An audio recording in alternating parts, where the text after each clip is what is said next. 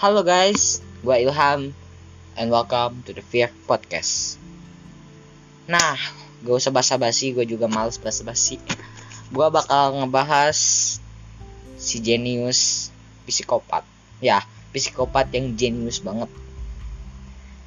Nama lengkapnya adalah Edmund Kemper. Tiga. Edmund Kemper III lahir 18 Desember 1948 adalah seorang pembunuh berantai terkenal dari Amerika yang membunuh 10 orang. Ya, banyak yang membunuh lebih banyak darinya. Ya, banyak yang membunuh lebih banyak darinya. Wow. Bukan jumlah yang menentukannya, guys, tapi berapa gitu ini narasi gue bener kagak sih? Hmm. Weh, yang nulis siapa sih? Ya banyak yang membunuh lebih banyak darinya bukan jumlah yang menentukannya guys. Tetapi seberapa gilanya Ed Kemper yang membuatnya. Jadi gak korbannya tuh gak seberapa gitu membunuh 10 orang doang tapi kegilaannya itu kegilaannya guys yang bikin dia terkenal. Nah, lanjut ke topik. Dari ke 10 orang yang dibunuhnya tersebut ada kakek dan ibunya. Sakitnya anak. Ed secara teratur terlibat dalam nekrofilia. Tahu nekrofilia apa? Ya kalau udah tahu, shut. Berhubungan seks dengan mayat. Fuck, dude. Sakit orang fix dan mengaku telah mengonsumsi daging setidaknya, setidaknya satu korban. Jadi kalau satu pas dia ngebunuh Nah, korban yang pernah dia bunuh tuh pernah dia makan satu orang doang tapi dagingnya guys. Bukan bukan makanan yang ada di kantong atau di, lagi dia bawa dagingnya guys. Gile. Lahir di California, Kemper memiliki masa kecil yang terganggu. Dia pindah ke Montana dengan ibunya yang mendidik dengan kasar dan keras. Kemp, oh pantesan. Kemper terkenal dengan tubuhnya yang besar dan kecerdasan yang tinggi. Tingginya 206 cm dengan berat lebih dari 110 kg. Ed memiliki IQ IQ ulang ulang ulang ulang Ed memiliki IQ 145. Fitur yang lengkap menjadikannya pemburu yang tidak terhentikan. Mas Edmund masa kecil Ed Edmund Emil Kemper III lahir di Burbank, California pada 18 Desember 1948. Dia adalah anak nomor 2. Katanya tiga. Nih, narasinya gimana sih anjing sini lu? anak nomor dua dan satu-satunya anak laki-laki ayahnya adalah veteran perang dunia kedua yang kemudian menjadi tukang listrik di Pacific Proving Grounds tempat pengujian senjata nuklir lahir dengan berat badan 6 kg Hah? Lahir dengan berat badan 6 kg What the fuck? Udah ada udah oke. Lahir dengan beban 6 kg sebagai bayi yang baru lahir Kemper sedang menjadi anak yang lebih besar dari anak yang dari anak-anak sebayanya. Dia juga terlihat sangat cerdas namun dia introvert introvert. Jadi introvert itu penyendiri dan tidak banyak bicara tatapan matanya terkadang tajam tetapi lebih sering seperti kosong dan menghayal di waktu-waktunya ia mulai menunjukkan kekejamannya di masa kecil dengan menyiksa hewan. Pada usia 10 tahun, ia mengubur seekor kucing peliharaan hidup-hidup. Setelah kucing tersebut mati, yang menggali kembali kucing itu dan memenggal kucing itu menancapkan kepalanya di atas batang kayu. Ini emang dari kecil udah sakit nih anak. Ibunya yang mengetahui kelakuan Ed sangat marah dan kemudian Ed menyatakan bahwa ia mendapat kesenangan dari membunuh kucing tersebut. Anjing. Kasihan anjak.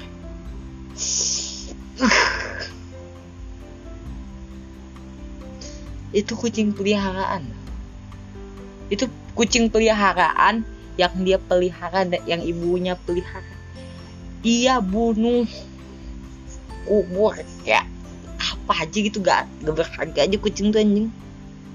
Gua gepak dapat pulsa lu. Pada usia ke-13 ia membunuh kucing lain ketika ia merasa bahwa kucing itu lebih menyukai adik perempuannya. Elin Lee Kemper. Adik perempuannya itu normal. Kakaknya gile cok dan menyimpan potongan mutilasi kucing tersebut di lemari baju adiknya tersebut sampai membusuk dan ketahuan gua ulangin ya. Menyimpan potongan mutilasi kucing tersebut di lemari baju adiknya tersebut sampai membusuk dan ketahuan.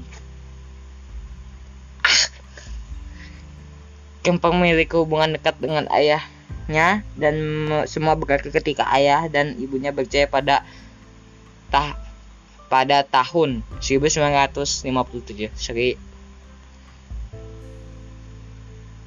eh nah penulis narasi gue lagi error lagi mabuk ia tinggal dengan hak asuh ibunya dan memiliki hubungan disfungsional yang sangat parah mereka jarang berkomunikasi dan Ed sering menjadi sasaran pelampiasan emosi ibunya.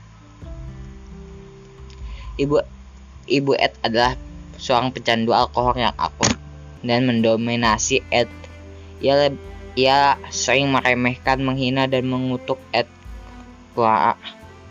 Clarnell, ibu Ed sering mengutuk Ed tidur di ruang bawah tanah yang terkunci karena dia takut bahwa Ed akan menyakiti saudara perempuannya. Mengingat kepribadian aneh da Ed dan kasus mutilasi kucing sebelumnya. Secara teratur, saudara perempuannya selalu menghina ukuran tubuh dan introvertnya Ed. Freak down, weird do. Kata, kata ini sudah menjadi makanan sehari-hari Ed. Puncaknya adalah ketika kakak perempuan Ed, Susan Hey Kemper mendorong Ed ke rel kereta yang sudah hampir tiba dan berhasil lolos dengan selis selisih detik saja. Ibunya sering mengatakan bahwa Ed tidak akan pernah memiliki wanita yang mencintainya dan akan mati sendirian. Kata-kata inilah yang sangat memicu Ed menjadikannya monster. Ibu sama anaknya aja udah wah parah sih. Kemper sempat kabur dari rumah untuk mencari ayahnya namun usaha ini tidak berhasil dan ia malah, malah tinggal bersama kakek dan neneknya. Pembunuhan pertama.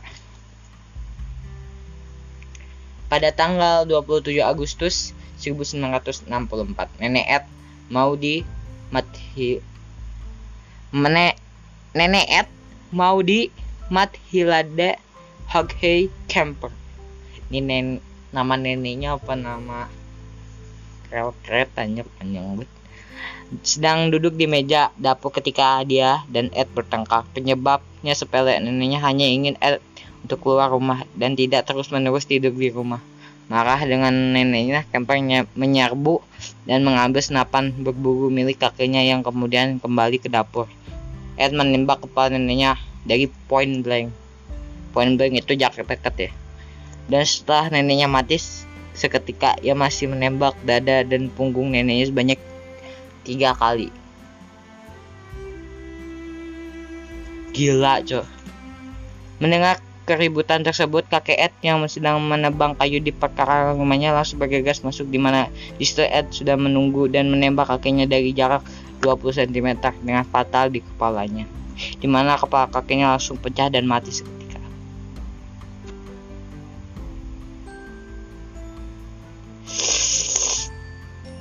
Oh shit. Ed bingung dan apa yang harus diperbuat dan ia tetap tinggal di rumah itu hingga dua hari lamanya bersama dengan mayat gue ulangin ya ia tetap tinggal di rumah itu hingga dua hari lamanya bersama dengan mayat kakek dan neneknya yang tergeletak di ruang tamu ini anak sakit anjir pada hari ketiga, ia menelpon ibunya dan menceritakan semuanya ibu mendesak Ed untuk segera menyerahkan diri ke polisi. Ed melakukan saran ibunya tersebut dan langsung menyerahkan diri ke polisi setempat. Ketika ditanya pol oleh polisi, Ed Kemper mengatakan bahwa dia hanya ingin merasakan bagaimana rasanya meledakkan kepala nenek.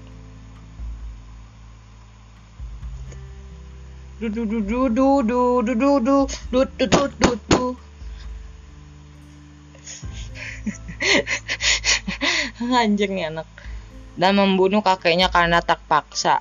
Psikiater Donald Lunde yang mewawancara Ed secara panjang lebar dan detail menulis bahwa pembunuhan ini ada bentuk dari penolakan ibu dan saudara yang telah ia pendam bertahun-tahun.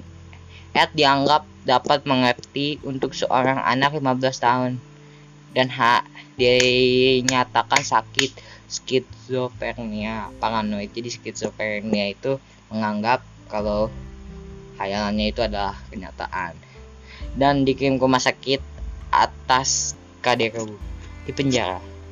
Oke di penjara. Di atas KD di atas KDRU psikiater California Youth Authority dan pekerja sosial sangat tidak setuju dengan diagnosis psikiater pengadilan. Laporan mereka menyatakan keluarga Kemper menunjukkan tidak ada penerbangan. Ide, tidak ada gangguan dengan pikiran, tidak ada ekspresi delusi atau halusinasi, dan tidak ada bukti pemikiran yang aneh. Di sini Ed melakukan tes IQ mendapat skor yang fantastis 145 yang tertinggi di atas Kaderu bahkan lebih para psikiater yang bekerja di sana. Kayak bicara real aku baiknya ia disayangi psikiater dan menjadikannya kesayangan. Ia dilatih untuk memberikan tes kepada narapidana lain. Salah satu psikiater yang mengatakan Ed adalah pekerja yang sangat baik dan ini bukti tipikal sokiopat sos sosiopat ia benar-benar bangga dengan pekerjaannya setelah penangkapan keduanya nanti baru terungkap bahwa Ed dengan licinnya memanipulasi tes dan psikiaternya dan bersikap sesuai dengan apa yang ia inginkan untuk psikiater nilai. Makhluk buas telah bebas.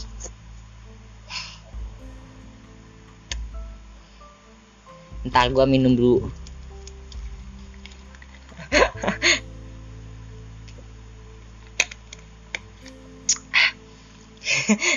Pada tanggal 18 Desember 1969, ulang tahunnya yang ke-12, Kemper dibebaskan bersyarat dari atas Kadeko terhadap rekomendasi dari psikiater yang telah ia kelabui. Bicaranya, ma bicaranya manis dan sangat meyakinkan. Kombinasi yang sangat buruk untuk seorang psikopat, psikopat berdarah dingin. Dia dinyatakan tidak berbahaya bagi masyarakat dan dibebaskan untuk hidup normal. Seperti ia tidak pernah menarik pelatu kepala ke kepala kakek dan neneknya. Ibu Ed menampung Ed kembali di rumahnya tetapi menyuruh untuk tinggal di lumbung terpisah dari rumah keluarganya. Sementara tinggal sementara tinggal bersama ibunya, Kemper menghadiri, menghadiri community collect sesuai dengan persyaratan pembebasan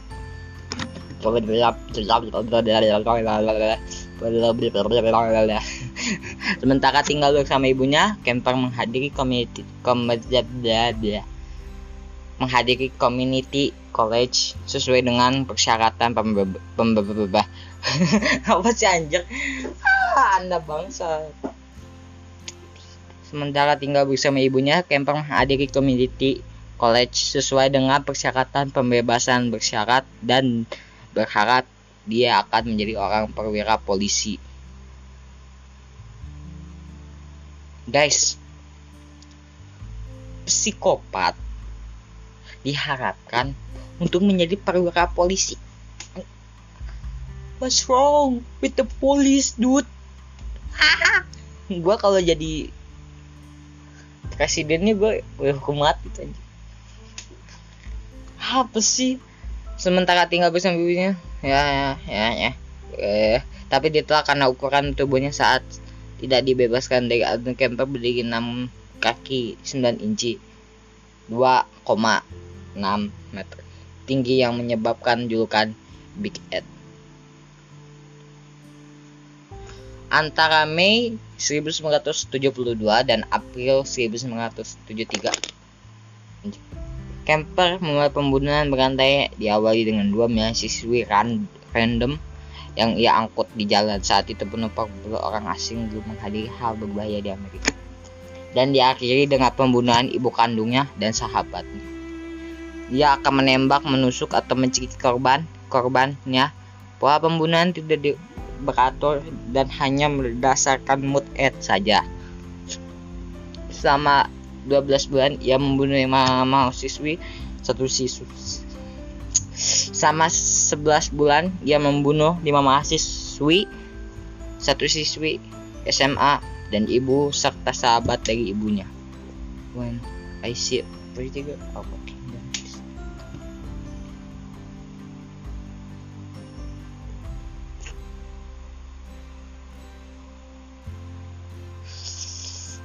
so.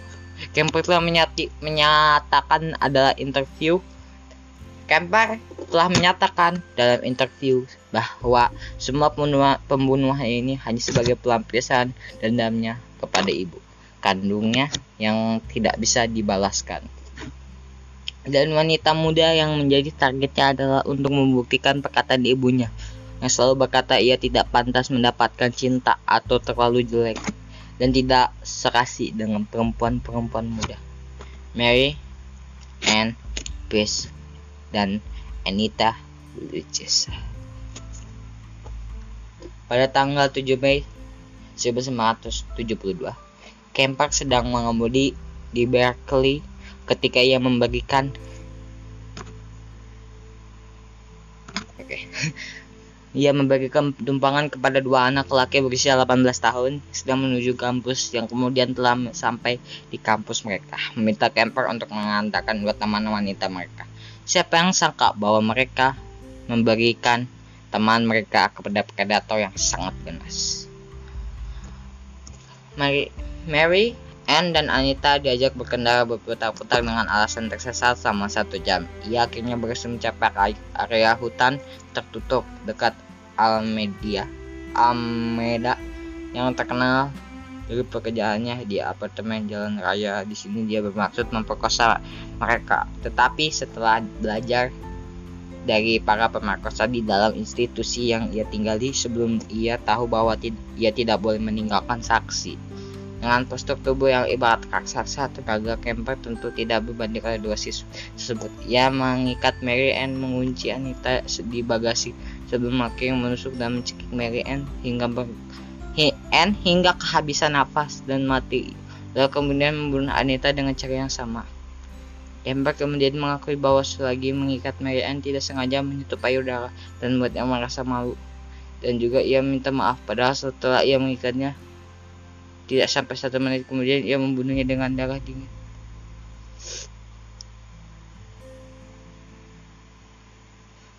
anjing sakit. Awalnya diminta maaf tapi ujung-ujungnya dimeninggalin asnya. ia mengaku ia hanya mendapat nyali untuk bersetubuh dengan mereka setelah mereka tidak bernyawa lagi. Anjir. Kemu camper kemudian mendapatkan kedua tubuh yang sudah tidak bernyawa itu di dalam bagasi mobil Ford Galaxy-nya dan kembali ke apartemennya. Ia sempat dihentikan di jalan oleh seorang petugas polisi karena lampu belakangnya rusak. Namun sayang sekali ia berhasil setelah menerima tiket hilang. Ia membawa mayat-mayat itu kamarnya di apartemen, mengambil foto-foto panjang dengan berbagai macam pose yang berbeda. Lalu mau berhubungan seks dengan mereka sebagai tempat. Uh beach lalu ia memutilasi mereka ke, dan kemudian memasuki bagian-bagian tubuh ke kantong plastik dan kemudian dikubur di Loma Prieta Mountain. Tetapi ia meninggalkan kepala mereka di kamarnya. Kemudian ia membawanya ke pekarangan rumah ibunya untuk dikuburkan. Aiko Aikoku. Pada malam 14 September 1917, Kemper menjemput siswa tari Korea berusia 15 tahun. Aikoku yang memutuskan untuk menumpang menuju kelas dansa saat tertinggal di busnya. Setelah diajak ke daerah terpencil, Kemper menodongkan pistol memperkosanya semasa hidup. Ia langsung menarik pelatuk pistol Ya bersamaan dengan saat ejakulasi sempat berhenti beberapa saat. Kemper lanjut menyalurkan nafsu dengan nafsu anehnya itu sebanyak tiga kali. Rusak nih orang. Dari kecil udah rusak makin gede makin rusak anjir. Ia mengemasi tubuh Akiko di bagasi tempat minum beberapa gelas whisky di bar terdekat. Setelah kembali ke apartemennya melanjutkan ritual ritualnya yang biasa membuang badannya di tempat yang sama dan juga menyimpan kepala Akiko kemudian pergi ke rumah ibunya untuk menanam, menanamkan kepala Akiko saat mungkin ia pegang ibunya ibu Akiko memanggil polisi melaporkan kehilangan anaknya serta masak ribuan sembari menyatakan keberadaan anaknya namun hasilnya nih Cindy Chow jadi ini udah lama banget. Jadi gua nggak bisa uh, lanjutin lagi karena gua udah pusing buat ini aja tak Cindy Chow adalah komen berikut ya dan kalian juga tahu gua oke gua bahas sedikit aja. Dia mengendarai mobil karya hutan yang diasingkan dengan fatal menembaknya dengan pistol kaliber satu eh dua koma. Makan tuh anjing mampus pala. Ya itu aja lah. Langsung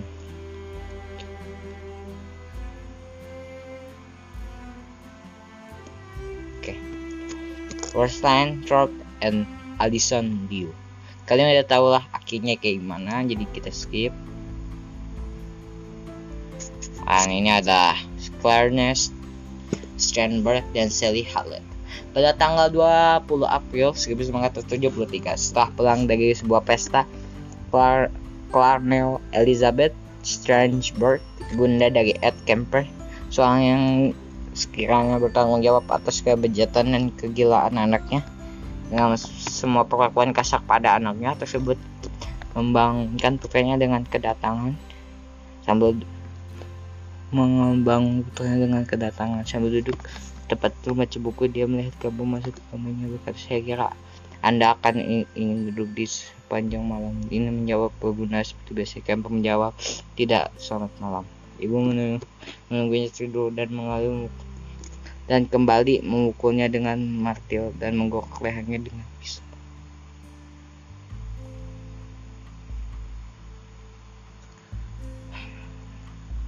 Walaupun ibu udah marahin lu tapi lu jangan kayak gini aja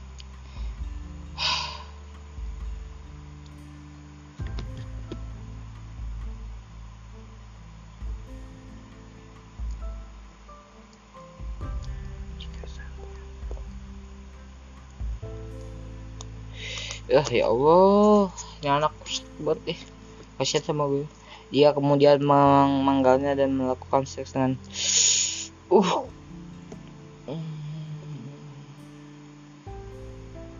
Gua gak bakal lanjut. Tuh creepy ya. Terlalu gore apps AF, APPX 5 blah blah blah AM Saturday no need for her suffer anymore at the hands of this horrible murderous butcher It was quick asleep the, wa- the way I wanted it, not sloopy and incomplete. Gents, just a lack of time. I got thing to do. Kepler kemudian meninggalkan tempat kejadian di mobil Harvey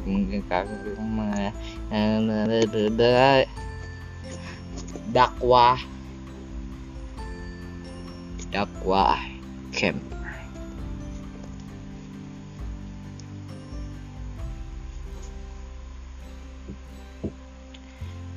Tiga psikiater yang ditunjuk pengadilan menemukan bahwa Kemper secara hukum waras. Salah satu psikiater, Dr. Joel Force, menyelidiki catatan namanya dan diagnosis bahwa dia pernah menderita psikotik. Dia juga mewawancarai Kemper di bawah serum kebenaran dan menyampaikan kepada pengadilan bahwa Kemper telah terlibat dalam kanibalisme, menuduh bahwa Kemper mengiris daging dari kaki korbannya memasak dan makan potongan daging tidak ini dalam casserole.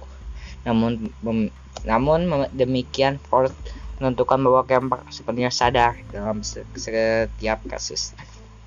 Dan menyatakan bahwa Kemper menikmati dicap sebagai pembunuh. Pada tanggal 1 November pada tanggal 1 November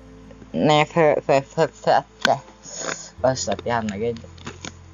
Namun demikian Ford menentukan bahwa Kemper sepenuhnya sadar dan dalam setiap kasus dan menyatakan bahwa Kemper menikmati dicap sebagai pembunuh.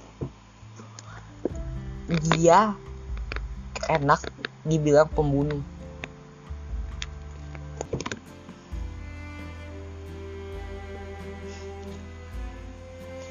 Gua nggak tahu lagi nih orang hidupnya mau apa sih? Namun demikian, Freud menentukan bahwa Kemper sepenuhnya sadar dalam setiap kasus. Ia menyatakan bahwa Kemper menikmati dicap sebagai pembunuh.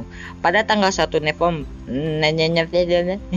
pada tanggal 1 November, Kemper mengambil posisi. Dia beraksi bahwa dia membunuh para wanita karena dia menginginkan mereka untuk diriku sendiri, seperti harta benda. Pada tanggal 8 November 1973, juri Enam pria, enam wanita bersidang selama lima jam sebelum menyatakan Kemper waras, bersalah dan segala hal meminta hukuman mati, meminta kematian dengan penyiksaan. Namun dengan moratorium yang ditempatkan pada hukuman mati oleh Mahkamah Agung pada waktu itu, Kemper malah menerima tujuh tahun untuk hidup untuk setiap hitungan dengan persyaratan ini untuk dilayani secara bersama dan jat, dijatuhi hukuman ke fasilitas medis California untuk menahan dan mengamati medis. Gitu eh. Uh.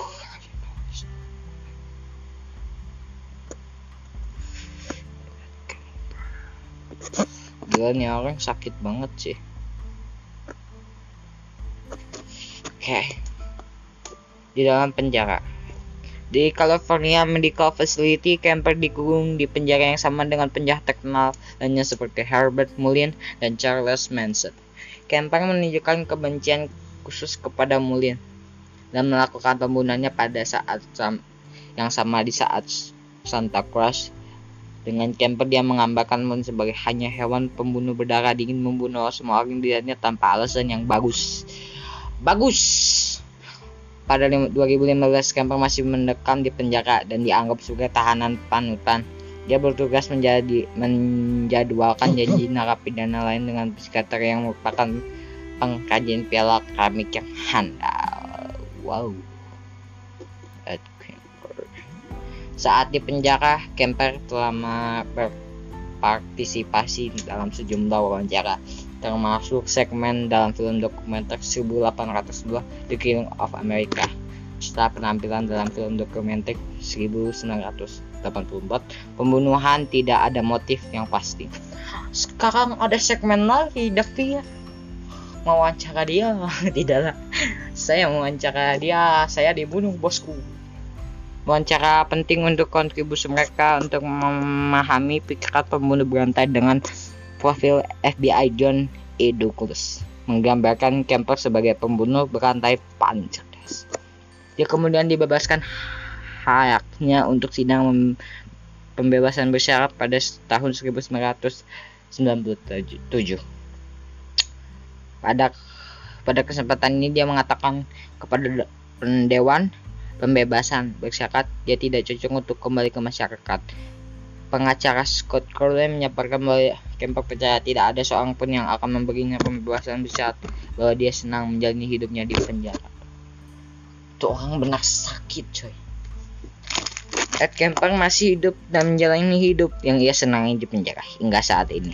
Interview yang interview dan kesaksiannya banyak membantu FBI untuk memahami pola dan modus operandi pada pelaku pembunuh berantai di Amerika. Untuk bantuan dari Ed ini ia sangat dimanjakan dipenjara dengan berbagai fasilitas yang orang lain tidak bisa dapatkan. Ironis. Pembunuh berantai yang membunuh ibunya. Dan juga ke melakukan pembunuhan keji kayak gitu it's not it's not a good man like what the fuck dude. Oke okay. mohon maaf tadi ada kelibatannya. Dan gue juga bakal uh, minta maaf dan ya.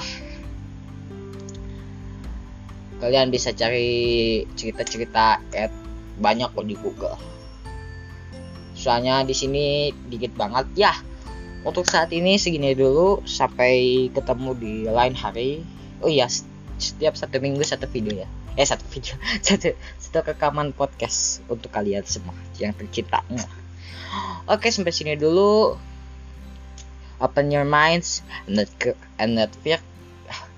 Long long long apa om closing juga gak bisa gua open your mind and let fear create inside you Goodbye.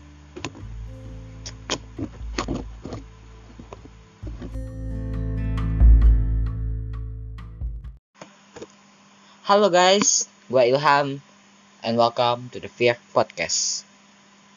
Nah, gue usah basa-basi, gue juga males basa-basi. Gue bakal ngebahas si jenius psikopat. Ya, psikopat yang jenius banget Nama lengkapnya adalah Edmund Kemper. 3. Edmund Kemper 3 lahir 18 Desember 1948. Adalah seorang pembunuh berantai terkenal dari Amerika yang membunuh 10 orang. Ya, banyak yang membunuh, lebih banyak darinya. Ya, banyak yang membunuh lebih banyak darinya. Wow bukan jumlah yang menentukannya guys. Tapi berapa gitu. Ini narasi gue bener kagak sih? Hmm. Weh, yang nulis siapa sih? Ya banyak yang membunuh lebih banyak darinya bukan jumlah yang menentukannya guys. Tetapi seberapa gilanya Ed Kemper yang membuatnya. Terkenal jadi gak korbannya tuh gak seberapa gitu loh membunuh 10 orang doang tapi kegilaannya itu kegilaannya guys yang bikin dia terkenal. Nah lanjut ke topik. Dari ke 10 orang yang dibunuhnya tersebut ada kakek dan ibunya. Sakitnya anak. Ed secara teratur terlibat dalam nekropilia tahu? Nekropilia apa? Ya kalau udah tahu shut up. Berhubungan seks dengan mayat. Fuck dude sakit tuh orang fix. Dan mengaku telah mengonsumsi daging setidaknya, setidaknya satu jadi kalau satu pas dia ngebunuh nih. Nah korban yang pernah dia bunuh tuh pernah dia makan satu orang doang tapi. Dagingnya guys. Bukan bukan makanan yang ada di kantong atau di, lagi dia bawa dagingnya guys. Gile. Lahir di California, Kemper memiliki masa kecil yang terganggu. Dia pindah ke Montana dengan ibunya yang mendidik dengan kasar dan keras. Kem oh pantesan. Kemper terkenal dengan tubuhnya yang besar dan kecerdasan yang tinggi. Tingginya 206 cm dengan berat lebih dari 110 kg. Ed memiliki IQ IQ ulang ulang ulang ulang Ed memiliki IQ 145. Fitur yang lengkap menjadikannya pemburu yang tidak terhentikan. Mas masa kecil Ed. Edmund Emil Kemper III lahir di Burbank, California pada 18 Desember 1948. Dia adalah anak nomor dua. Katanya tiga. Nih, narasinya gimana sih anjing sini lu? anak nomor dua dan satu-satunya anak laki-laki. Ayahnya adalah veteran perang dunia kedua yang kemudian menjadi tukang listrik di Pacific Proving Grounds tempat pengujian senjata nuklir. Lahir dengan berat badan 6 kg Hah? Lahir dengan berat badan 6 kg what the fuck udah udah udah. Oke. Lahir dengan beban 6 kg sebagai bayi yang baru lahir. Kemper sedang menjadi anak yang lebih besar dengan anak yang dengan anak-anak sebayanya. Ia juga terlihat sangat cerdas namun ia introvert introvert. Jadi introvert itu penyendiri dan tidak banyak bicara tatapan matanya terkadang tajam tetapi lebih sering seperti kosong dan menghayal di waktu-waktunya ia mulai menunjukkan kekejamannya di masa kecil dengan menyiksa hewan pada usia 10 tahun ia mengubur seekor kucing peliharaan hidup-hidup setelah kucing tersebut mati yang menggali kembali kucing itu dan memenggal kucing itu menancapkan kepalanya di atas batang kayu. Ini emang dari kecil udah sakit ya anak. Ibunya yang mengetahui kelakuan Ed sangat marah dan kemudian Ed menyatakan bahwa ia mendapat kesenangan dari membunuh kucing tersebut. Anjing. Kasihan anjak.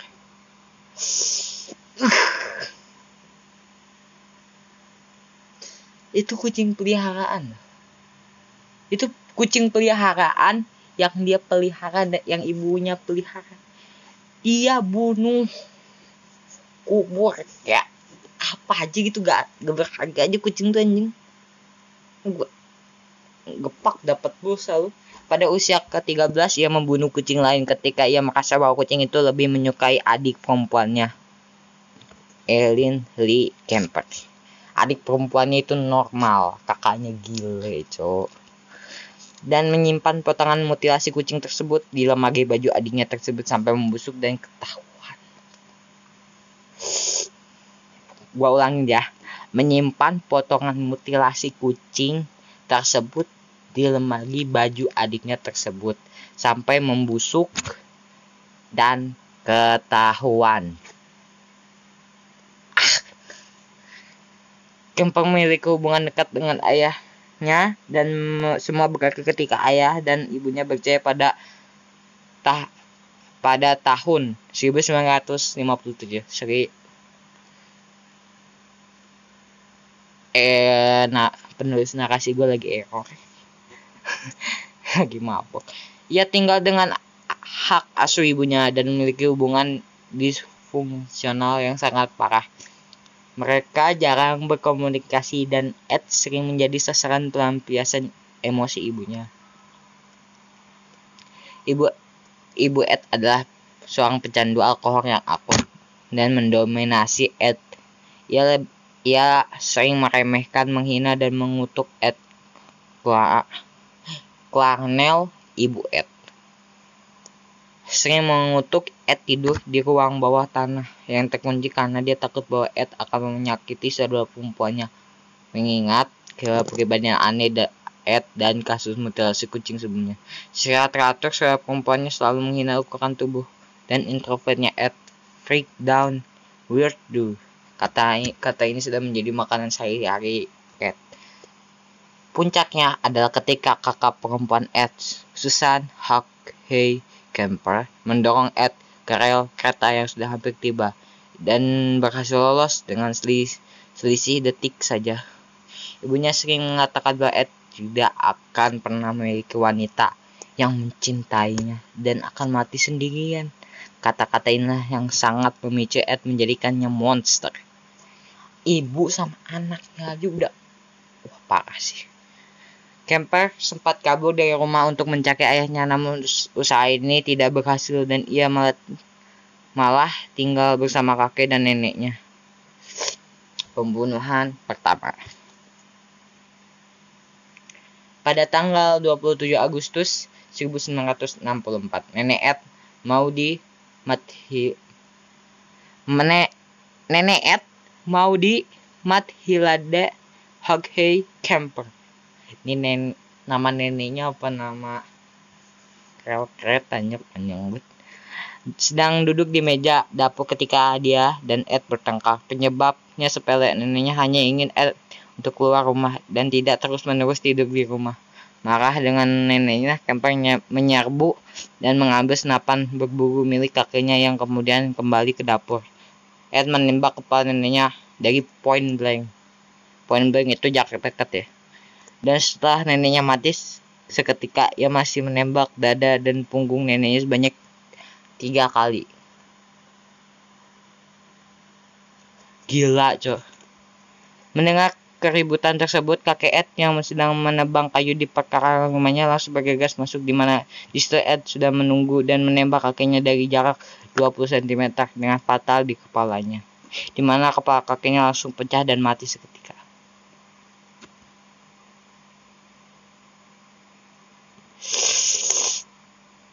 oh shit Ed bingung dan apa yang harus diperbuat dan ia tetap tinggal di rumah itu hingga dua hari lamanya bersama dengan mayat.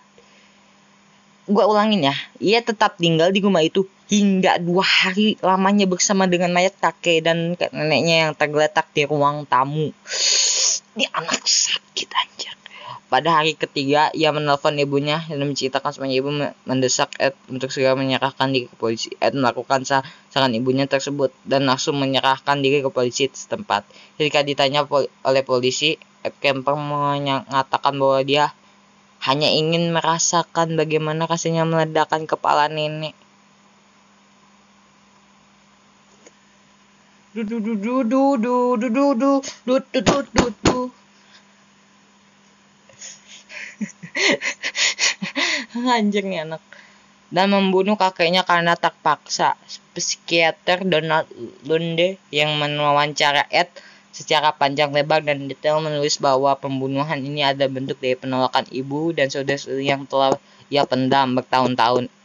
Ed dianggap dapat mengerti untuk seorang anak 15 tahun dan hak dinyatakan sakit skizofrenia paranoid. Jadi skizofrenia itu menganggap kalau hayalannya itu adalah kenyataan dan dikirim ke rumah sakit atas KDRU di penjara. Oke, di penjara. di atas KD di atas KDRU, psikiater California Youth Authority dan pekerja sosial sangat tidak setuju dengan diagnosis psikiater pengadilan. Laporan mereka menyatakan bahwa Kempeng menunjukkan tidak ada penerbangan ide, tidak ada gangguan dengan pikiran, tidak ada ekspresi delusi atau halusinasi, dan tidak ada bukti pemikiran yang aneh. Di sini Ed melakukan tes IQ mendapat skor yang fantastis 145 yang tertinggi di atas KDRU. Bahkan melebihi para psikiater yang bekerja di sana. Gaya bicara Ed aku baiknya ia disayari psikiater dan menjadikannya kesayangan. Ia dilatih untuk memberikan tes kepada narapidana lain. Salah satu psikiater yang mengatakan Ed adalah pekerja yang sangat baik dan ini bukti tipikal sokiopat sos sosiopat ia benar-benar bangga dengan pekerjaannya setelah penangkapan keduanya nanti baru terungkap bahwa Ed dengan licinnya memanipulasi tes dan psikiaternya dan bersikap sesuai dengan apa yang ia inginkan untuk psikiater nilai. Makhluk buas telah bebas.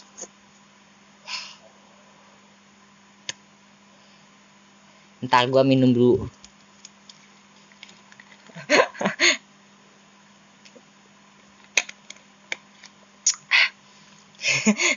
Pada tanggal 18 Desember 1969, ulang tahunnya yang ke-12, Kemper dibebaskan bersyarat dari atas Kadeko terhadap rekomendasi dari psikiater yang telah ia kelabui.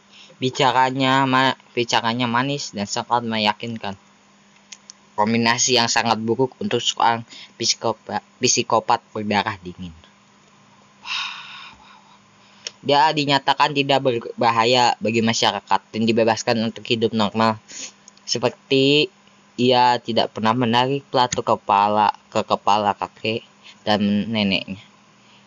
Ibu Ed menampung Ed kembali di rumahnya tetapi menyuruh untuk tinggal di lumbung terpisah dari rumah keluarganya. Sementara tinggal sementara tinggal bersama ibunya, Kemper menghadiri, menghadiri community collect sesuai dengan persyaratan pembebasan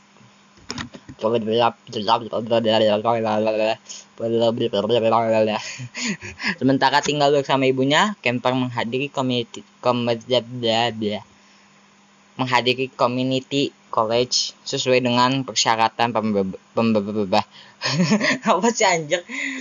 Ah, anda bangsa sementara tinggal bersama ibunya Kemper menghadiri community college sesuai dengan persyaratan pembebasan bersyarat dan berharap dia akan menjadi orang perwira polisi. Guys, psikopat diharapkan untuk menjadi perwira polisi. What's wrong with the police, dude? Ah, gue kalau jadi presidennya gue hukum mati tuh apa sih sementara tinggal bersama ibunya ya ya ya, ya. tapi ditelah karena ukuran tubuhnya saat tidak dibebaskan dari adun camper berdiri 6 kaki 9 inci. 2,6 meter. Tinggi yang menyebabkan julukan Big Ed. Antara Mei 1972 dan April 1973 Kemper memulai pembunuhan berantai diawali dengan dua mahasiswi random yang ia angkut di jalan. Saat itu penumpang beberapa orang asing belum menghadiri hal berbahaya di Amerika. Dan diakhiri dengan pembunuhan ibu kandungnya dan sahabatnya. Dia akan menembak, menusuk, atau mencekik korban, korbannya. Pola pembunuhan tidak di, beratur dan hanya berdasarkan mood ed saja. Selama 12 bulan ia membunuh lima mahasiswi satu siswa sama 11 bulan ia membunuh lima mahasiswi satu siswi SMA dan ibu serta sahabat dari ibunya. When I see pretty good oh, kingdom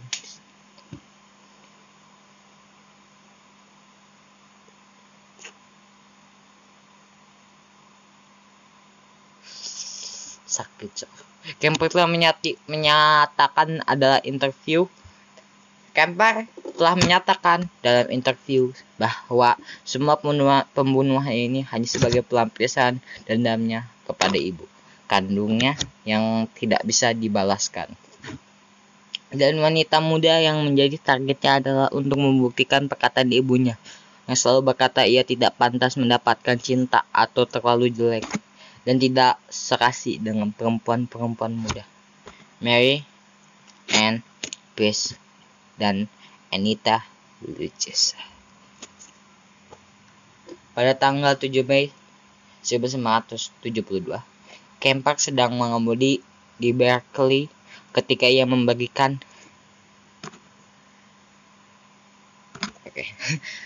Ia membagikan tumpangan kepada dua anak laki berusia 18 tahun sedang menuju kampus yang kemudian telah sampai di kampus mereka. Meminta camper untuk mengantarkan dua teman wanita mereka.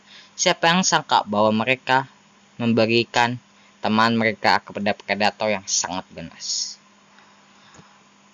Mary, Mary Anne dan Anita diajak berkendara berputar-putar dengan alasan tersesat selama satu jam. Ia akhirnya berhasil mencapai area hutan tertutup dekat Almedia, Almeda yang terkenal dari pekerjaannya di apartemen jalan raya. Di sini dia bermaksud memperkosa mereka. Tetapi setelah belajar dari para pemerkosa di dalam institusi yang ia tinggali sebelum ia tahu bahwa ia tidak boleh meninggalkan saksi. Dengan postur tubuh yang ibarat raksasa, tenaga Kemper tentu tidak berbanding oleh dua siswa tersebut. Ia mengikat Mary Ann, mengunci Anita di bagasi sebelum akhirnya menusuk dan mencekik Mary Ann hingga ber Ann hingga kehabisan nafas dan mati. Lalu kemudian membunuh Anita dengan cara yang sama.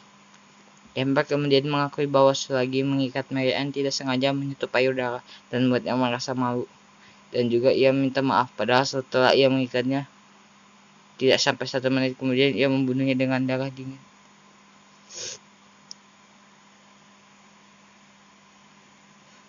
Anjing sakit. Awalnya diminta maaf tapi ujung-ujungnya dimeninggalin asnya. ia mengaku ia hanya mendapat nyali untuk bersetubuh dengan mereka setelah mereka tidak bernyawa lagi. Cir. Kemu camper kemudian mendapatkan kedua tubuh yang sudah tidak bernyawa itu di dalam bagasi mobil Ford Galaxy-nya dan kembali ke apartemennya. Ia sempat dihentikan di jalan oleh seorang petugas polisi karena lampu belakangnya rusak. Namun sayang sekali ia berhasil setelah menerima tiket hilang. Anjir. Ia membawa mayat-mayat itu kamarnya di apartemen, mengambil foto-foto tanjang dengan berbagai macam pose yang berbeda, lalu mau berhubungan seks dengan mereka sebagai tempat. Uh beach lalu yang memutilasi mereka ke, dan kemudian memasuki bagian-bagian tubuh ke kantong plastik dan kemudian dikubur di lomap kereta mountain. Tetapi yang meninggalkan kepala mereka di kamarnya. Kemudian yang membawanya ke pekarangan rumah ibunya untuk dikuburkan. Aiko Aikoku. Pada malam 14 September 1917, Kemper menjemput siswa tari kura berusia 15 tahun. Aikoku yang memutuskan untuk menumpang menuju kelas dansa saat tertinggal di busnya. Setelah diajak ke daerah terpencil, Kemper menodongkan pistol memperkosanya semasa hidup. Ia langsung menarik pelatuk bersamaan dengan saat di ejakulasi sempat berhenti beberapa saat. Kemper lanjut menyalurkan nafsu dengan nafsu anehnya itu sebanyak tiga kali. Rusak nih orang. Dari kecil udah rusak makin gede makin rusak anjir. Ia mengemasi tubuh Akiko di bagasi tempat minum beberapa gelas whisky di bar terdekat. Setelah kembali ke apartemennya melanjutkan ritual ritualnya yang biasa membuang badannya di tempat yang sama dan juga menyimpan kepala Akiko kemudian pergi ke rumah ibunya untuk menanam, menanamkan kepala Akiko saat mungkin ia bekam ibunya. Ibu Akiko memanggil polisi melaporkan kehilangan anaknya serta masak ribuan selembaran menyatakan keberadaan anaknya namun hasilnya nihil. Cindy Chow jadi ini udah lama banget. Jadi gua nggak bisa uh, lanjutin lagi karena gua udah pusing buat ini aja Nah, sini secara adalah komen berikut lah. Dan kalian juga tahu gua Oke, gua bahas sedikit aja. Dia mengendarai mobil karya hutan yang diasingkan dengan fatal menembaknya dengan pistol kaliber satu eh dua koma makan tuh anjing nampus pala. Jadi itu aja lah. Langsung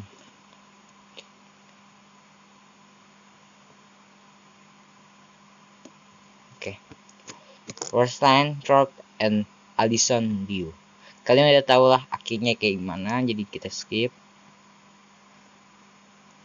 Dan ini ada Clarence Strandberg dan Sally Hallett. Pada tanggal 20 April 1973, setelah pulang dari sebuah pesta, Clar Clarnell Elizabeth Strandberg, bunda dari Ed Kemper, seorang yang sekiranya bertanggung jawab atas kebejatan dan kegilaan anaknya. Dengan semua perlakuan kasar pada anaknya tersebut membangunkan putranya dengan kedatangan sambil mengembang putranya dengan kedatangan sambil duduk. Tepat rumah buku dia melihat kamu masuk ke kamarnya berkata saya kira anda akan ingin duduk di sepanjang malam. Ini menjawab pengguna seperti biasa Kemper menjawab tidak selamat malam ibu menunggunya tidur dan mengalami dan kembali memukulnya dengan martil dan menggokok lehernya dengan pisau.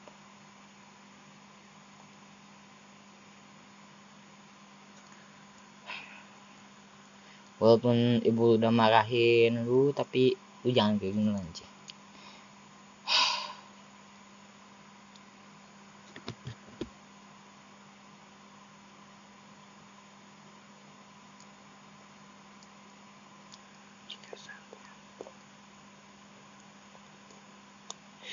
Ya ya Allah. Ini anak buat deh kasihan sama gue. Dia kemudian memanggalnya dan melakukan seks dengan uh.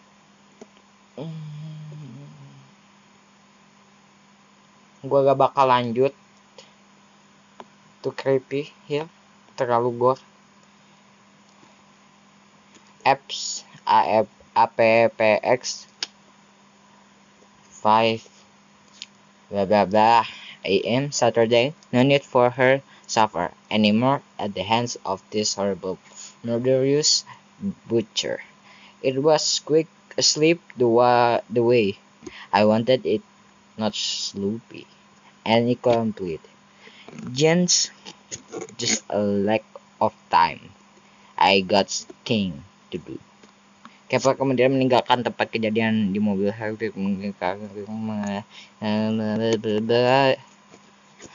dakwah dakwah camp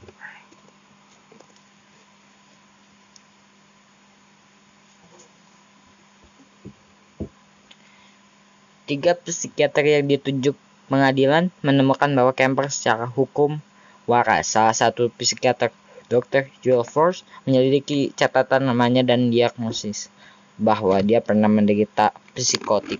Dia juga mewawancarai Kemper untuk masuk di bawah serum kebenaran dan menyampaikan kepada pengadilan bahwa Kemper telah terlibat dalam kanibalisme, menuduh bahwa Kemper mengiris daging dari kaki korbannya, memasak dan makan potongan daging ini dalam casserole.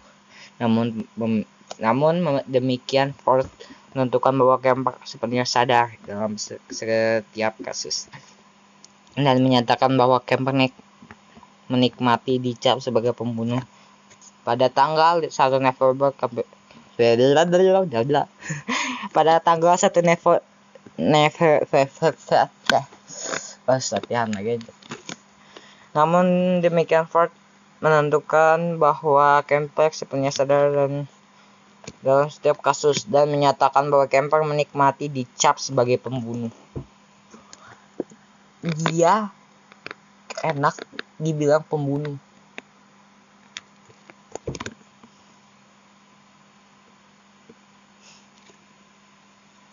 Gua nggak tahu lagi nih orang hidupnya mau apa sih? Namun demikian, Ford menentukan bahwa Kemper sepenuhnya sadar dalam setiap kasus. Ia menyatakan bahwa Kemper menikmati dicap sebagai pembunuh. Pada tanggal 1 November, pada tanggal 1 November, Kemper mengambil posisi. Dia beraksi bahwa dia membunuh para wanita karena dia menginginkan mereka untuk diriku sendiri, seperti harta benda. Pada tanggal 8 November 1973, juri Enam pria, enam wanita bersidang selama lima jam sebelum menyatakan Kemper wakas, bersalah dan segala hal meminta hukuman mati, meminta kematian dengan penyiksaan. Namun dengan moratorium yang ditempatkan pada hukuman mati oleh Mahkamah Agung pada waktu itu, Kemper malah menerima tujuh tahun untuk hidup untuk setiap hitungan dengan persyaratan ini untuk dilayani secara bersama dan jat, dijatuhi hukuman ke fasilitas medis California untuk menahan dan mengamati medis. Gitu eh. Uh.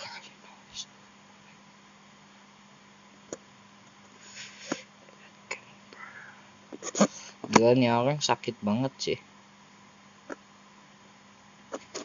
Oke. Okay. Di dalam penjara. Di California Medical Facility, Kemper dikurung di penjara yang sama dengan penjahat terkenal lainnya seperti Herbert Mullin dan Charles Manson. Kemper menunjukkan kebencian khusus kepada Mullin dan melakukan pembunuhannya pada saat yang sama di saat Santa Cruz. Dengan Kemper dia menggambarkan Mullin sebagai hanya hewan pembunuh berdarah dingin membunuh semua orang dirinya tanpa alasan yang bagus. Bagus! Pada 2015, Kemper masih mendekam di penjara dan dianggap sebagai tahanan panutan. Dia bertugas menjadi menjadwalkan janji narapidana lain dengan psikiater yang merupakan pengkajian piala keramik yang handal. Wow. Ed Kemper. Saat di penjara, Kemper telah berpartisipasi dalam sejumlah wawancara termasuk segmen dalam film dokumenter 1802 The Killing of America. Setelah penampilan dalam film dokumenter 1984 pembunuhan tidak ada motif yang pasti. Sekarang ada segmen lagi Devi mau wawancara dia tidak lah. Saya mau wawancara dia saya dibunuh bosku Wawancara penting untuk kontribusi mereka untuk memahami pikiran pembunuh berantai dengan profil FBI John E. Douglas menggambarkan Kemper sebagai pembunuh berantai paling cerdas. Dia kemudian dibebaskan haknya untuk sidang pembebasan bersyarat pada tahun 1997. Pada pada kesempatan ini dia mengatakan kepada dewan pembebasan bersyarat dia tidak cocok untuk kembali ke masyarakat. Pengacara Scott Crowley menyampaikan bahwa Kemper percaya tidak ada seorang pun yang akan memberinya pembebasan bersyarat bahwa dia senang menjalani hidupnya di penjara. Itu orang benar sakit coy. Ed Kemper masih hidup dan menjalani hidup yang ia senangi di penjara hingga saat ini. Interview yang interview dan kesaksiannya banyak membantu FBI untuk memahami pola dan modus operandi pada pelaku pembunuh berantai di Amerika. Untuk bantuan dari Ed ini, ia sangat dimanjakan, dipenjara dengan berbagai fasilitas yang orang lain tidak bisa dapatkan. Ironis. Pembunuh berantai yang membunuh ibunya dan juga ke melakukan pembunuhan keji kayak gitu. It's not it's not a good man like what the fuck dude. Oke. Okay. mohon maaf tadi ada kelibatannya. Dan gue juga bakal uh, minta maaf dan ya. Kalian bisa cari cerita-cerita at banyak kok di Google soalnya di sini dikit banget. Ya untuk saat ini segini dulu. Sampai ketemu di lain hari. Oh iya setiap satu minggu satu video ya. Eh satu video. Satu satu rekaman podcast untuk kalian semua yang tercinta. Oke sampai sini dulu. Open your minds. And not and not fear. Long long long apa om closing juga gak bisa gua. Open your mind and let fear creep inside you. Okay goodbye